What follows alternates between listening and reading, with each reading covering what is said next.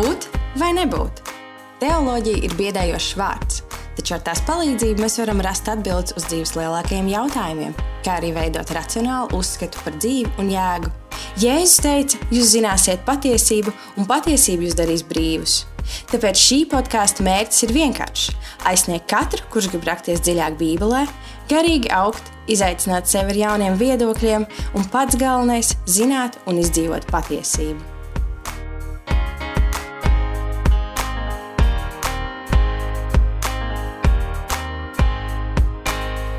Esiet sveicināti Racionāls viedoklis podkāstā, kurš runā par visāda veida kristīgās teoloģijas tēmām. Man prieks, ka es varu būt atpakaļ ar jaunu epizodi. Man uzreiz jāatvainojās par to, ka epizode nedaudz kavējās. Es tā domāju, ka es varēšu katru otro piekdienu izlaist eh, jaunu epizodi, bet šajā reizē nesanāca vairāku iemeslu dēļ.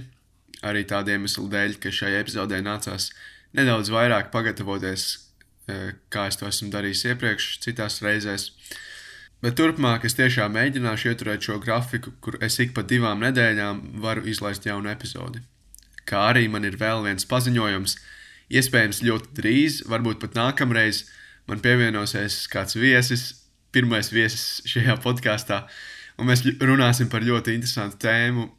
Uh, bet Es vēl neteikšu, kas tā ir par tēmu, bet uh, cerams, ka mums būs ļoti interesanti, ka ies labi. Bet šodien mēs runāsim par pirmo psalmu. Uh, pirmais psalms iet arī kopā ar otro psalmu, ko es vēlāk parādīšu, tā kā būs arī nedaudz no otrā psalma. Bet šīs epizodes mērķis laikam ir tāds, ka es vēlos norādīt uz šī pirmā psalma mesijānisko lasījumu, kurš bieži vien netiek tā lasīts. Mēs ieskatīsimies, kā šo psalmu lasīja agrāk, kā viņu lasa mūsdienās. Um, apskatīsim psalmu eksegēzi, hermenētiku, visu to. Tas viss gaidām šajā epizodē. Šoreiz būs ļoti svarīgi, ko es teicu arī iepriekš.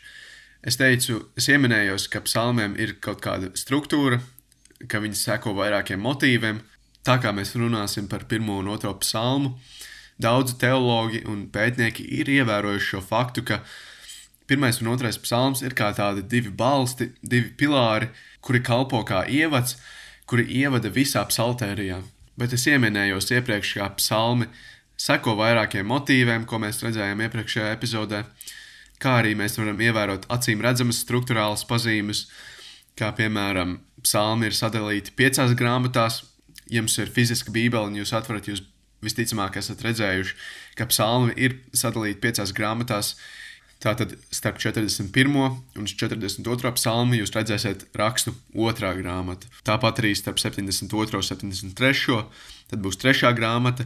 Ceturtā grāmata sākās ar 90. psalmu, un piekta grāmata sākās ar 107. psalmu. Tātad ir kaut kāda struktūra. Tāpat arī mērķtiecīga struktūra mēs varam ieraudzīt tekstuāli. Pirmais psalms ir tāds Toras psalms, pēc tam otrais psalms, kas seko, ir mesijāniskais psalms. Tad pa, paiem nedaudz vēlāk. 18. psalms ir mesijānisks psalms, un tad 19. ir Toras psalms. Tas tiek tā kā apgriezts otrādi. Pēc tam vēlāk 118. mesijāniskais, ne, akmens, ko namdara atmetuši pie malas, ir kļu, kļuvuši par stūrakmeni, un pēc tam 119. psalms, kas ir garākā nodaļa Bībelē, ir Toras psalms atkal. Psalms runā par to, cik brīnišķīgi ir tā kunga likumi. Slavēts es to kungs, māci man tavus likumus, ar savām lūpām es varu noskaidrot visus tavus mutes baušļus, es priecājos par tavu liecību, es pārdomāju tavus pavēles un vēroju tavus ceļus, par taviem likumiem man ir prieks. To sauc par Toras psalmu. Un šīs mazās tekstuālās pazīmes mums kalpo kā indikātori, ka psalmi nav vienkārši tā sasviest kopā, drīzāk jau viņi ir uzmanīgi sakopoti ar mērķi un gal galā dieva iedvesti.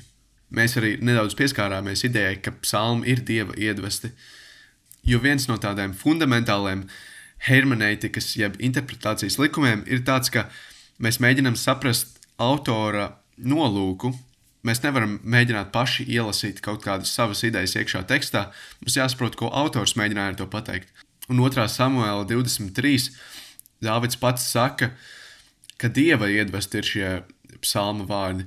Ir rakstīts, ka šie ir Dāvida pēdējie vārdi, tā saka Dāvids, Jišie dēls, tā saka vīrs, kas jo augstu celts, Jēkaba dieva svaidītais, Izrēla dziesminieks, jeb psalminieks. Un ko viņš saka? kas, kādi ir viņa pēdējie vārdi. Kunga gars runāja caur mani, viņa vārdi man uz mēles. Izraēla dievs teica, komats, Izraēla klints uz mani runāja. Un viena lieta, ko mēs varam ieraudzīt psalmos, un kas mums jāmēģina atrast un saskatīt, ir prozapoloģiskā eksegēze. Mums ir jāsaprot, kura persona runā psalmos, kas tā ir par personu, kas runā psalmos. Un citreiz tas nav tikai Dāvids vai kāds cits psalmu pierakstītājs. Ļoti bieži tas ir pats Dievs. Uh, otrajā psalmā, par kur mēs šodien runājam, uh, Dievs teica: Mans dēls, tu esi šodien, es tevi esmu dzemdinājis. Bet vēlāk apskatīsim citu piemēru, kur prozapoloģiskā eksegēze strādās, kura būs ļoti būtiska, lai saprastu kādu patiesību. Tātad prozapoloģiskā eksegēze mums ir jāsaprot, kura persona runā tajā tekstā. Tas nav vienmēr tikai Dāvids. Es nolasīšu pirmo psalmu. Tas būs tāds nedaudz miksēts tulkojums, gan ar veco, gan ar jauno, eh, bet primāri tas būs NLB. Bet dažās vietās es esmu, pamatojoties uz angļu un ebreju tekstu, esmu nomainījis sintaktisko struktūru, bet par to vēlāk. Eh, primāri šis ir NLB tulkojums. Svētīts tas vīrs, kas ļaundaru padomā nestaigā un nestaigā grēcinieku ceļus un nesēž paļātāja pulkā, kam par kunga bauslību prieks kas dudina viņa bauslību dienu un nakti.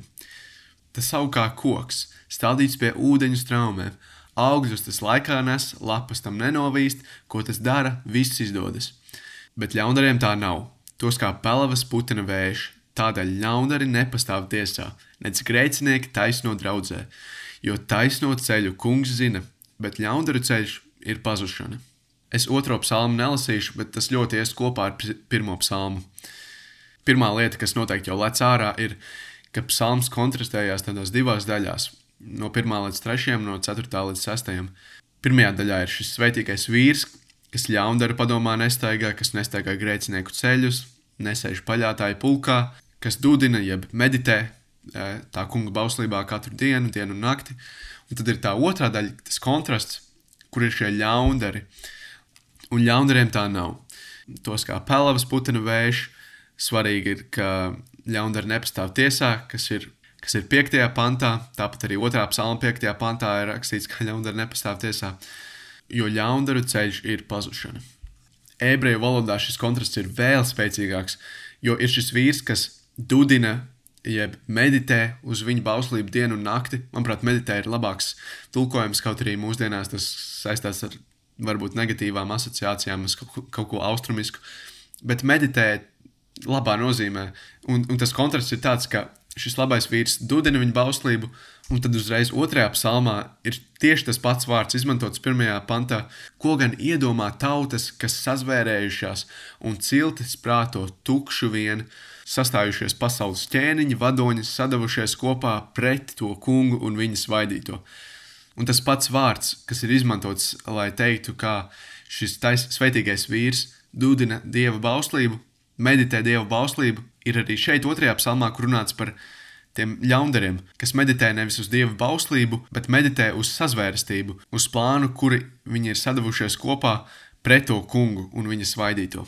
Bet šis ir tas jautājums, kas ir tas vīrs, kas ir tas svētītais vīrs? Jo vai tas ir patiesas viens skaitlis, tas ir Jānis, tas ir tas, vai arī tas uzrunā kādu lielāku cilvēku grupu.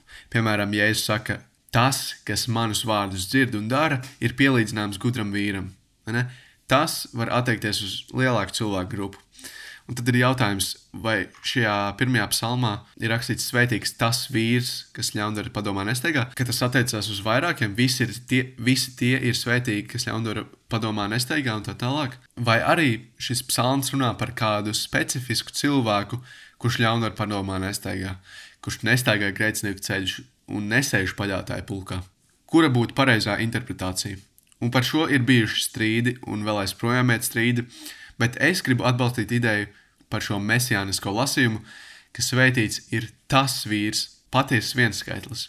Un pirmā lieta, kas to jau atbalsta tekstuāli, ir tas, ka psalms kontrastē to svētīgo vīru un tos bezdievīgos. Ka ir viens, ka ir tas svētīgais vīrs un tie bezdievīgie, kur ir acīm redzam daudzskaitlī.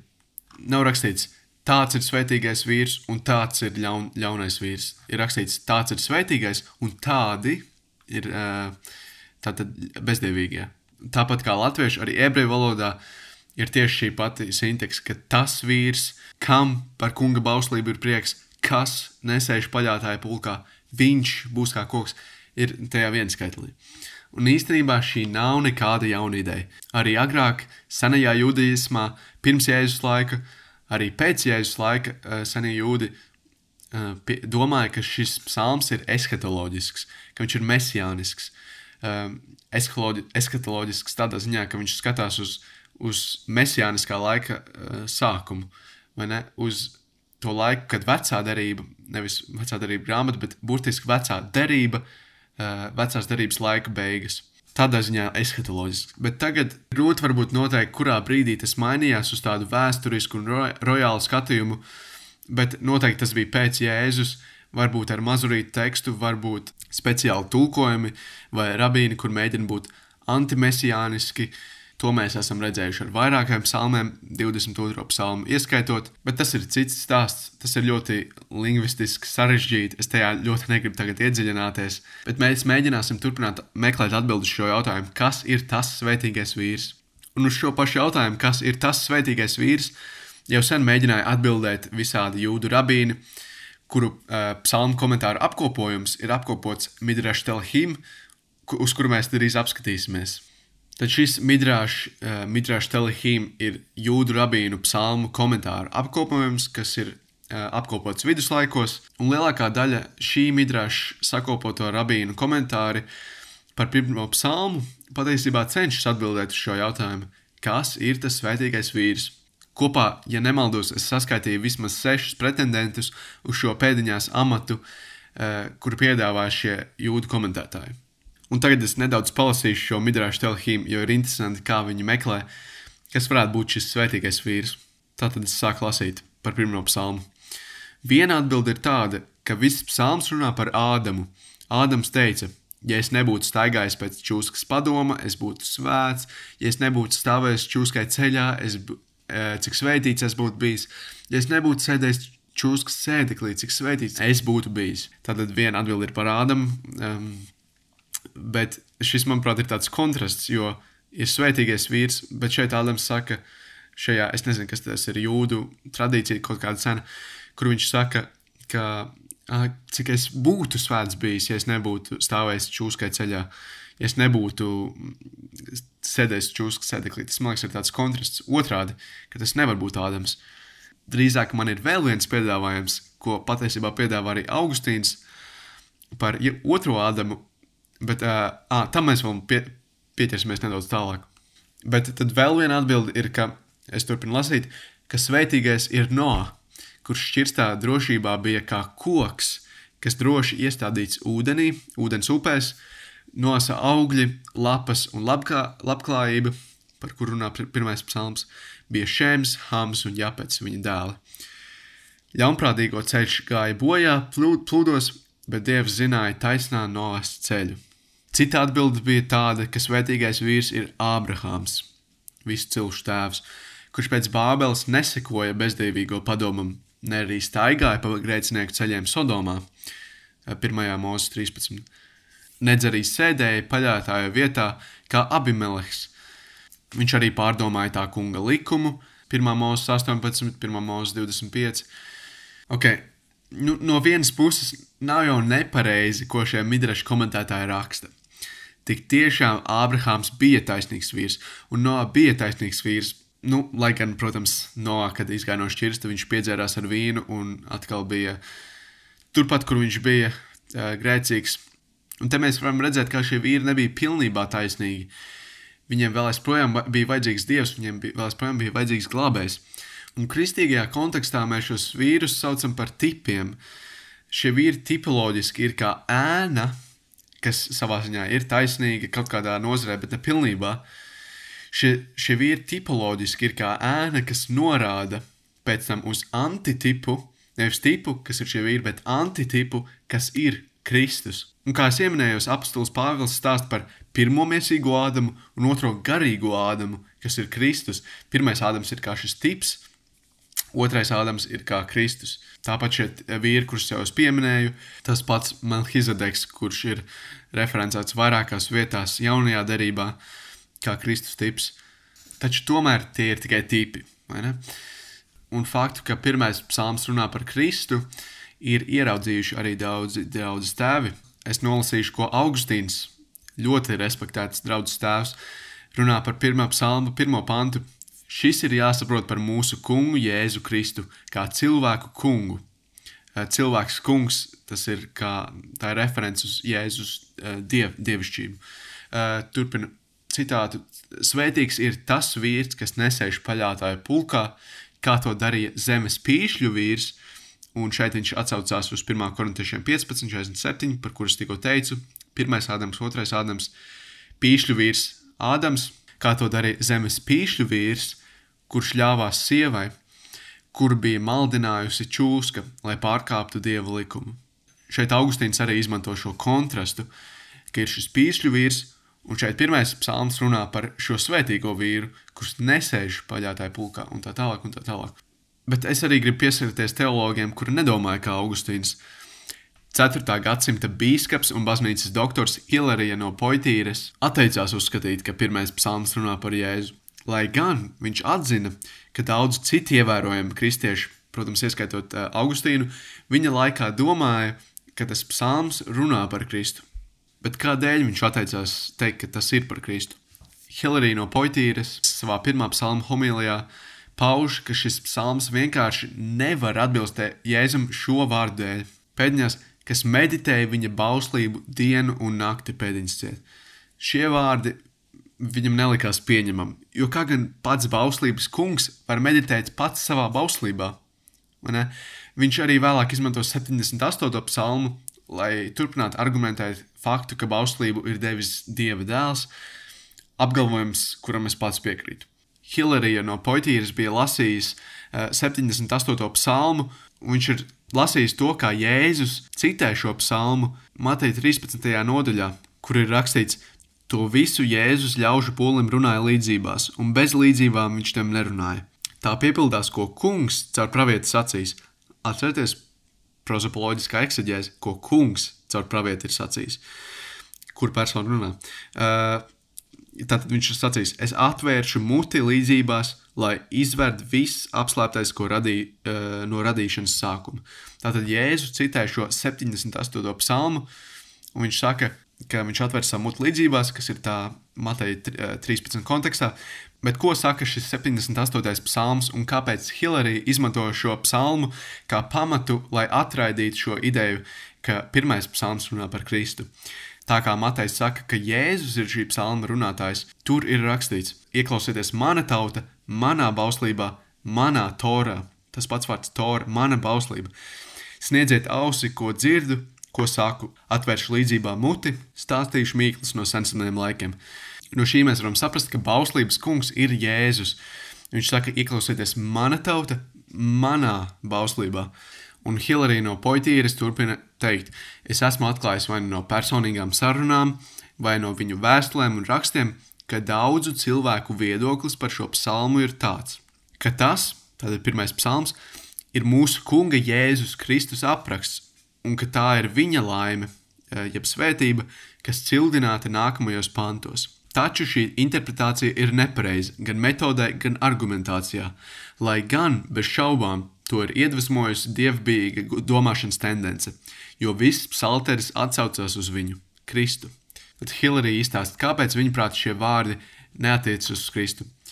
Vārdi, kas atrodas psalma sākumā, ir diezgan nepiemēroti dēla personai un titulam. Savukārt, viss saturs pats par sevi ir nosodījums bezrūpīgai steigai, kas izmanto, lai slavētu viņu. Jo, kad tā ir teikts, un viņa griba ir bijusi tā kunga bauslībā, kā ņemot vērā, ka bauslība ir devis Dieva dēls, 78. psalms. Ne? Kā var piedēvēt laimi, jeb svētību, kas ir atkarīga no viņa gribas, būt tā kunga bauslībā, kas pats ir bauslības kungs? Un te viņš saka par to 78. psalmu, to, ka bauslība ir viņa, viņš pats paziņos 77. psalmā, nu, īstenībā ir 78. psalms, tur ir cits stāsts, pirmais un otrais psalms daudzreiz arī agrāk gāja kopā, kas uh, vēl stiprina manu pozīciju, ka pirmais un otrais psalms jālasa kopā. Uh, bet se, mūsdienās ir 78. psalms. Pirmais un otrais tiek atdalīts. Um, Turpinājums 78. psalmā, kur viņš saka, klausieties manu likumu, mana tauta, pielieciet savas ausis pie manas mutes vārdiem. Es atvēršu savu muti līdzībā. Hilārija turpina, un evanģēlists Matejs tālāk apgalvo, ka šos vārdus ir teicis Dieva dēls. Kad viņš saka, šī iemesla dēļ viņš runā līdzībās, lai piepildītos raksti, es atvēršu savu muti līdzībās. Un šī ir tā lieta, ko saskatīja Hilārija ka kā gan pats bauslības kungs var dudināt, var meditēt pats savā bauslībā. Un šis ir nopietns jautājums, jo, ja pirmais psalms tik tiešām nerunā par Kristu, tad mums viņu tā nevajadzētu lasīt. Bet mūsdienās mums ir ļoti labi rīki, ar ko mēs varam iedziļināties pašā tekstā. Es nezinu, ko jūs izmantojat, Blue, Blue Letter, Bible Hub, uh, logos pat vienalga. Ir vairāki rīki, ar kuriem mēs varam iedziļināties tekstā. Ja mēs apskatām šos vārdus ebreju sintakses konstrukcijā, proti, kāda ir vārdu secība ebreju valodā, tad viņš būtu lasāms šādi. Un šeit jums ir kārtīgi jāatver ausis, vai vēl labāk jāatver raksturvieta, bet šajā ebreju sintaksē ir nevis kam par kunga bauslību prieks, kas dūdena viņa bauslību dienu un nakti, bet iekšā kunga bauslības ir viņa prieks un viņa bauslībā Viņš meditē dienu un nakti. Viņa torā viņš meditē dienu un nakti. Un tagad, ņemot vērā, ka Jēzus ir bauslības kungs, uz kādu personu viņa bauslība norāda, šeit pavarās savā ziņā jauna interpretācija, bet iekšā kunga bauslības ir viņa, svētīgā vīra prieks, un viņa bauslībā, svētīgā vīra bauslībā, viņa torā viņš meditē dienu un nakti. Un balstoties uz šo, eh, balstoties arī uz to, ka uz inkarnāciju, uz to, ka Dieva dēls nonāca uz zemes, lai viņš būtu cilvēks, lai izjustu cilvēka grūtības un bija tik tiešām taisnīgs vīrs. Es neredzu īsti pretrunu, ka viņš meditē pats savā bauslībā, jo, lai gan viņš ir kungs pār toru, viņš to ir radījis, tomēr viņš var dudināt savu toru, jo tā vienkārši ir viņa daba. Bet kur gan viņš sēž? Ja viņš nesēž paļātāju pulkā, kur ir viņa sēdvieta? Ja jūs nedaudz padomājat par to, varbūt jums rodās kādas atbildes. 110. psalms. Tas kungs teica manam kungam: Sēdi man pie labās rokas, es darīšu tavus ienaidniekus par kājsoli. Tepat otrais psalms, kas iet kopā ar pirmo. Tu esi mans dēls, es tev esmu dzemdinājis, es iecēlu, es iesakņoju savu ķēniņu pār ciānu, pār savu svēto kalnu. Lūks 22, 69. No šī brīža cilvēka dēls sēdēs pie varenā dieva labās rokas. Apstuļu darbi divi. Un ir šīs visādas raksturvietas, kur Jēzus sēž pie dieva labās rokas. Viņš nesēž paļātāju pulkā, viņš sēž pie dieva labās rokas. Tad sāciet likt visas šīs lietas kopā. Te ir šis svētīgais vīrs, kurš neseko bezdīvīgo padomam, kurš nesteigā grēcinieku ceļus, nesēž paļātāju pulkā kam iepratim daudziem bezdievīgajiem, vienīgajam prāts saistās pie tā kunga baušļiem. Viņš ir kā koks, kas stādīs pie ūdens upēm. Lasot šo psalmu, mums vajadzētu varbūt pat nopūsties un teikt, es neesmu tas svētīgais vīrs, es esmu sēdējis paļātāju pulkā, es esmu ņēmis ļaundaru padomus, es nedudinu dievu bauslību dienu un nakti, es visu laiku nenesu augļus, es neesmu tas svētīgais vīrs. Bet vai šis mesijāniskais lasījums mums tā vienkārši nenolaupītu no tās bagātības un tieksmes uz labu dzīvi, ko šis psalms dotu? Nepavisam ne. Atcerieties, kā pirmais un otrais psalms iet kopā. Un vēl viens veids, kā mēs varam to zināt, ir, ka pirmā psalma sākums un otrā psalma beigas veido tādu kā inklūziju. Ieklausieties! Pirmais psalms sākās ar Svētīgs ir tas vīrs, un otrais psalms beidzās ar Bet svētīgi visi, kas pie viņa tveras. Un šīs ir tās labās ziņas. Svētīgi ir visi, kas pie viņa tveras. Pie kā? Pie tā svētīgā vīra, pie tā dēla, par ko otrais psalms runā, pie mūsu kunga Jēzus Kristus. Pāvila mīļākais teiciens. Viņš visu laiku izmanto šo frāzi iekš Kristus, jeb Kristu. Tātad, ja psalmi runā par Kristu, tad tie var attiekties uz mums. Tikai šoreiz tie ir iekš Kristus, cauri Kristum. Un, ja mēs tā lasām psalmus, tad, manuprāt, tiem pavaras jauns dziļums. Tie ir fundamentāli ļoti kristīgi. Un uz šīs nots es arī gribu beigt šo epizodi un arī jums teikt, sveitīgi jums šo atlikušo dienu, iekšā Kristus. Un es ceru, ka jūs kaut ko iemācījāties. Ja jums kādreiz prasīs, kas ir tas svētīgais vīrs, tad es ceru, ka jūs zināsiet atbildi.